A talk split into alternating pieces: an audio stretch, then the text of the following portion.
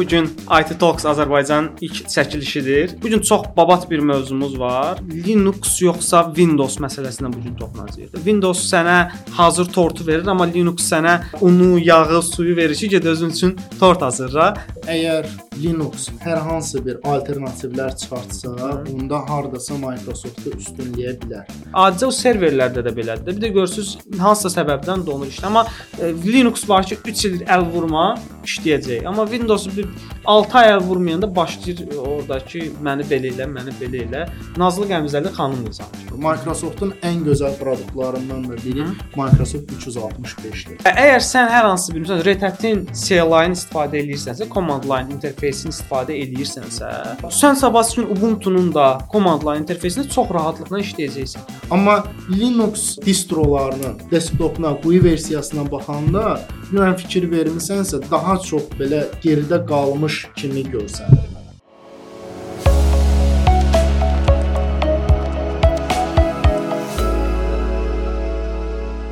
Salam hamıya. Bu gün IT Talks Azərbaycan ilk çəkilişidir. Düşünürəm ki, artıq bizim istiqamətimiz haqqında, bizim hədəflərimiz haqqında e, müəyyən qədər məlumatınız var. Bizim bir neçə rubrikamız olacaq və bu gün o rubrikalardan biri mənim həmkarım, debat həmkarım Kamran Həsənovla olan rubrikadır. Bu gün çox babat bir mövzumuz var. Düşünürəm ki, istər IT-yə yeni başlayanlar üçün, istər özünə yeni notebook alanlar üçün bu arada sizin burada notebook reklamınız ola bilərdi. Alanlar üçün çox vacib bir mövzudur. Linux yoxsa Windows məsələsinə bu gün toxunacağıq. Kamran düşün ki, dediyim kimi gedib özünə bir notebook alırsan, yeni bir notebook alırsan və heç bir əməliyyat sistemi yoxdur üzərində, sıfırdır. İlk olaraq səncə mən nəyə əsasən hansı əməliyyat sistemini yazmalıyam və ya sualımı çox dərinə getmədən konkretləşdirsəm sənin üçün Windows yazacamsa nəyə əsasən yazmalıyam? Nəyə görə Windows seçməliyəm, Linux seçməməliyəm və ya bugünkü mövzum olmasa da macOS seçməməliyəm? Salam hər birinizi salamlayıram. Eşən çox sual sualına görə, deməli əgər bilməyən bir insan gedib Hı -hı. xırda bir araşdırma eləsə, təbii ki, tapacaq ki, ən çox əməliyyat sistemi kimi istifadə olunan Windows əməliyyat sistemidir. Nəyə görə? Rahatlığına görə. İlk öncə əgər araşdırma eləsə, bizim qarşımıza cəmi 1 və 2 versiya çıxacaq. Ya Windows 10 çıxacaq və yaxud da Windows 11 çıxacaq, çünki onun supportu var bugünkü gündə. Lakin bir balaca araşdırma eləsə Hı -hı. Linux barədə, orada Hı -hı. artıq araşdırmaq üçün bir neçə gün tələb oluna bilər. Hı -hı. Bildiyin kimi bir çox Linux distroları var.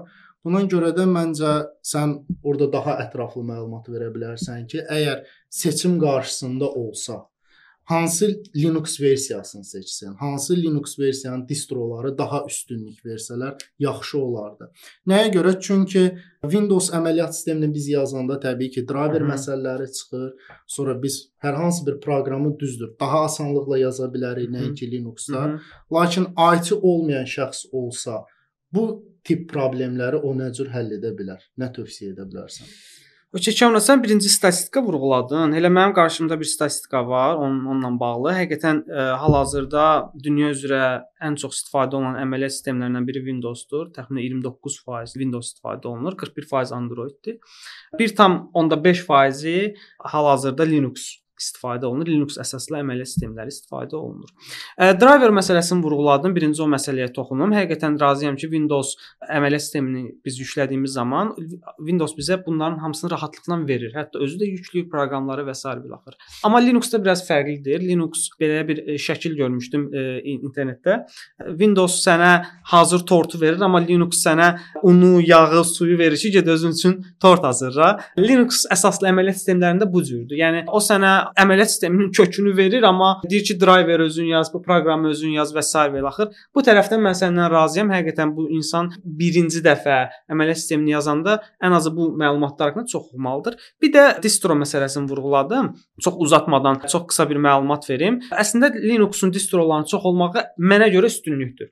Çünki Windows-da yalnız hal-hazırda 10 və 11 var userlar tərəfindən. Mən serveri qoyuram kənara. Seçim çox azdır. Amma Linux-da artıq istəyə görə seçim çox çoxdur. Məsəl üçün, biri gündəlik Windows kimi istifadə eləmək istəyir də, Windows əməliyyat sistemi kimi bir Linux əsaslı əməliyyat sistemi istifadə eləmək istəyir. Bunun üçün Ubuntu desktop var, Linux Mint var, adi istədiyi kimi proqramları yazıb istifadə edə bilər.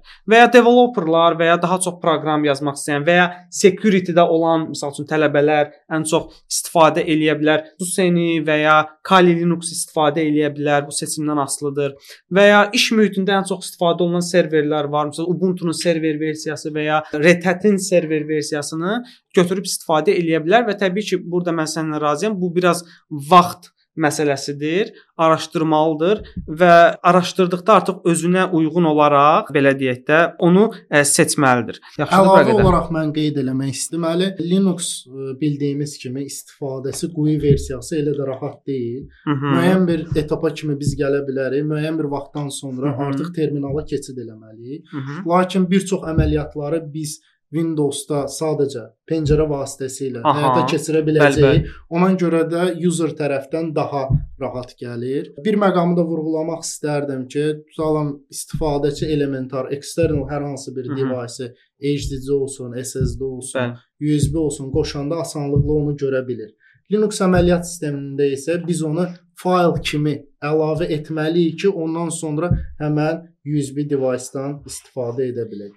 Bir balaca orada da məncə çətinliklər. İndi bu məsələdə bir hissə var, bir məqam var. Məsələn, CLI vurğuladın da, command line interface. Mənə görə Linux-un Ubuntu-nun desktopunu, Linux Mint-i filan nəzərə almasaq, Linux-un digər versiyalarının qrafik interfeysi advanced userlar üçündür. Yəni artıq bu sahədə professional olan və ya IT-də olan insanlar üçündür. Windows isə daha çox belə deyək də sahədə yeni olan və ya mühasiblər üçün, HR-lar üçün və s. və ilaxır.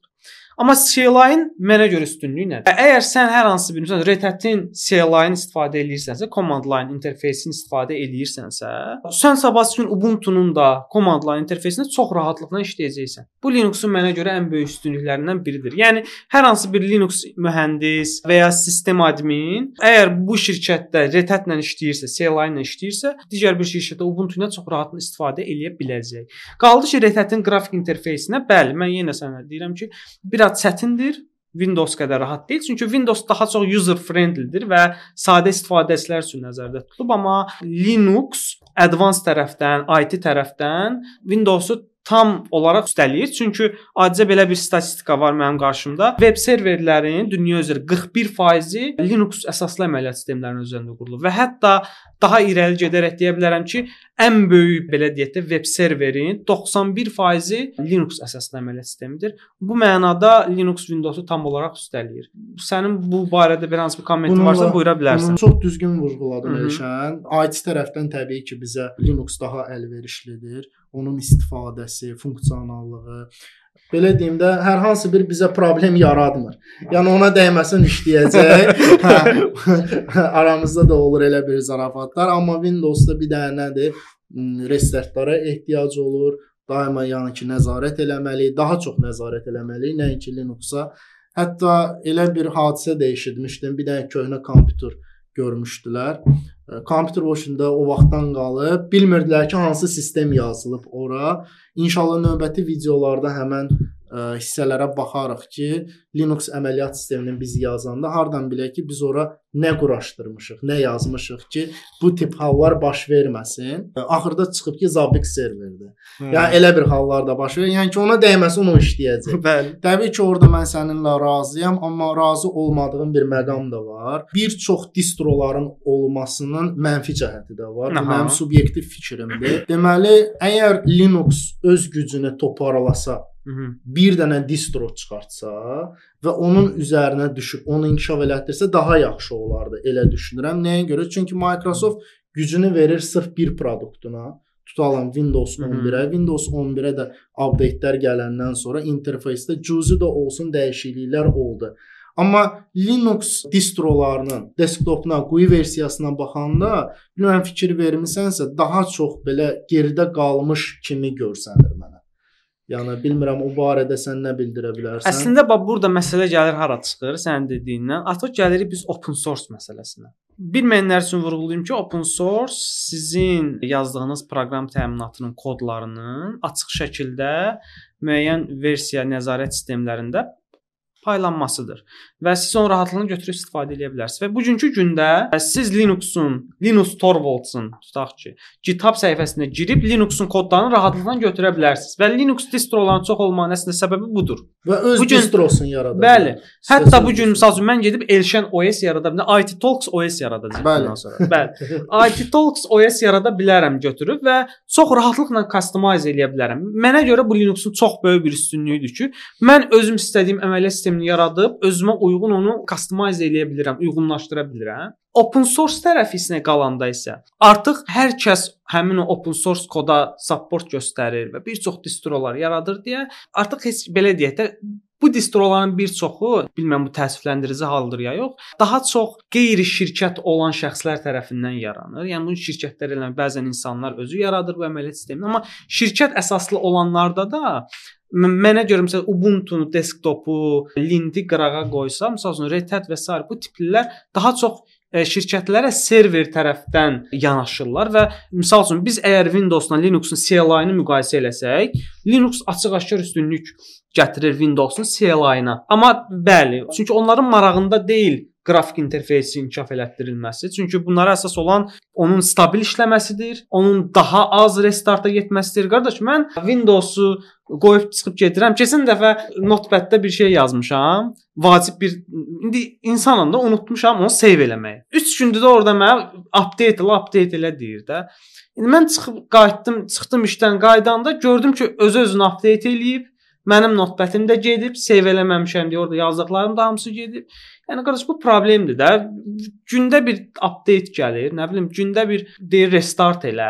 Adicə o serverlərdə də belədir. Bir də görürsüz hansısa səbəbdən donur işlə. Amma e, Linux var ki, 3 ildir əl vurma, işləyəcək. Amma Windows-u bir 6 ay vurmayanda başlayır oradakı məni belə elə, məni belə elə. Nazlı Qəmzəli xanımdır sanki. Elşən müəyyən bir məqamlarda mən səndən razıyam, lakin Windows-a update-lər gələndə bir çox vaxt belə deyim də boşluqların aradan Hı -hı. qaldırılması üçündür.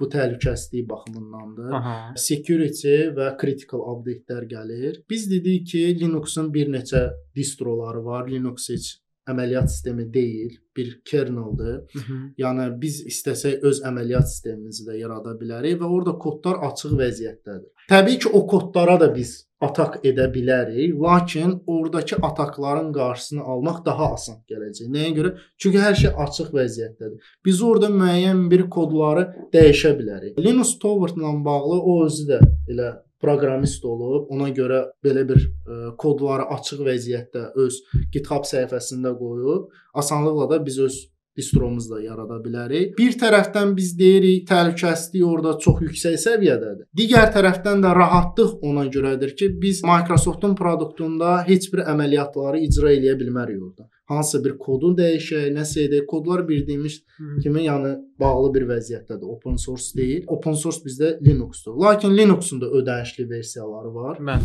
ən əsas bizə tanınan versiya Red Hat versiyasıdır. Mən. Biz onun supportunu almasaq, təbii ki, kritik infrastrukturumuz varsa bizim Təbii ki, biz supporta müraciət edəcəyik. Microsoft tərəfdən isə sorğunun yaradılması tutalım.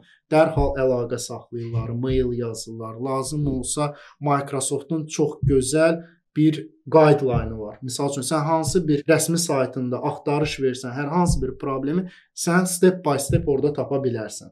Lakin Linux-da isə biz elə bir imkana malik deyilik. Biz sadəcə məsəl üçün axtarış versək, hansısa bir portallar olacaq, hardasa bir yazışmalar olacaq. Yaxşı bir insanlar orada bölüşəcək öz yaxşı qardaşlar, hə? yaxşı qardaşlar orada bölüşəcək təcrübəsini və biz onu orada deməli araşdırmamızı edərək problemi həll edəcəyik. Hmm. Yəni bir tərəfdən Microsoftun burada mən düşünürəm ki, üstünlüyü var. Və bir də bugünkü gündə hər birimizin bildiyi kimi cloud-a daha çox üstünlük verilir. Nəyə görə? Cloud-un security baxımından cloudun, yəni belə deyim də, il 12 ay dayanmadan işləməsi, miqrasiya məsələləri, upgrade məsələləri həmən şirkət tərəfindən icra olunur. Microsoftun ən gözəl produktlarından da biri Hı. Microsoft 365-dir.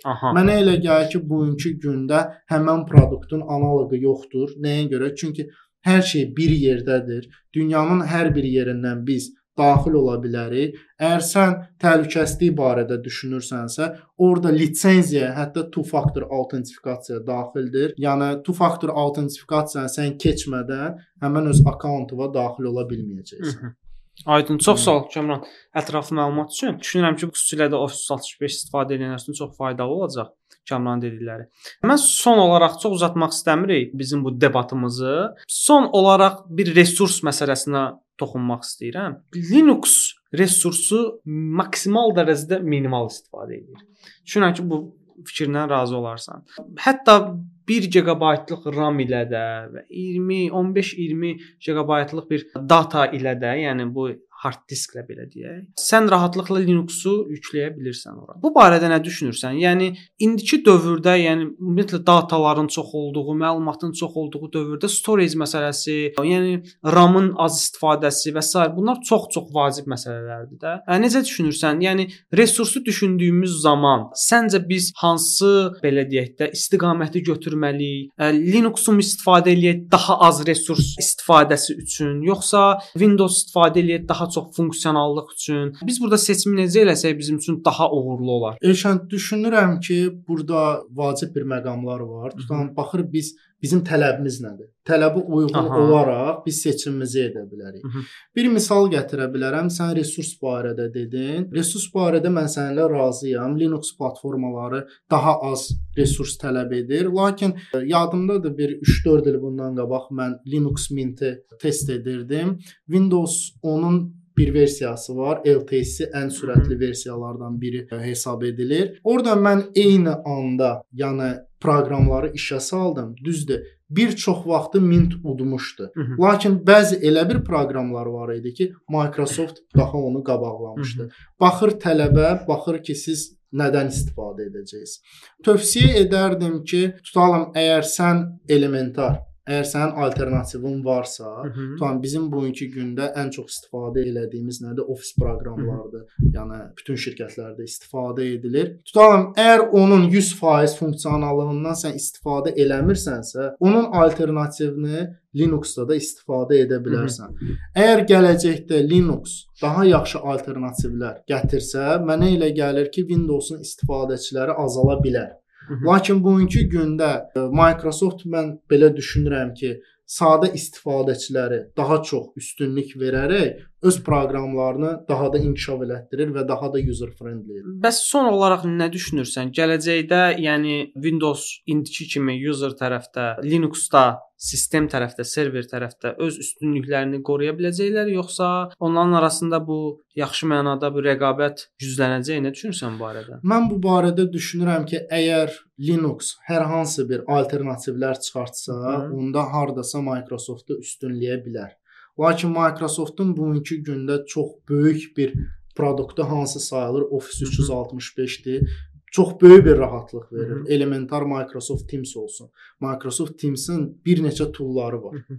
Digər alternativlər də var. Biz e, gündəlik istifadə edirik Skype, Hı -hı. Zoom, digər Google Meet-dir. Lakin heç bir digər alternativ proqramlarda Teams-də olan funksionallıq yoxdur. Aydındır. Kamran çox sağ ol bu gün mənlə bu debat etdiyin üçün. Təşəkkür edirəm. Düşünürəm ki, tamaşaçılar üçün də, bizi izləyənlər üçün də çox faydalı məlumatları bölüşdük.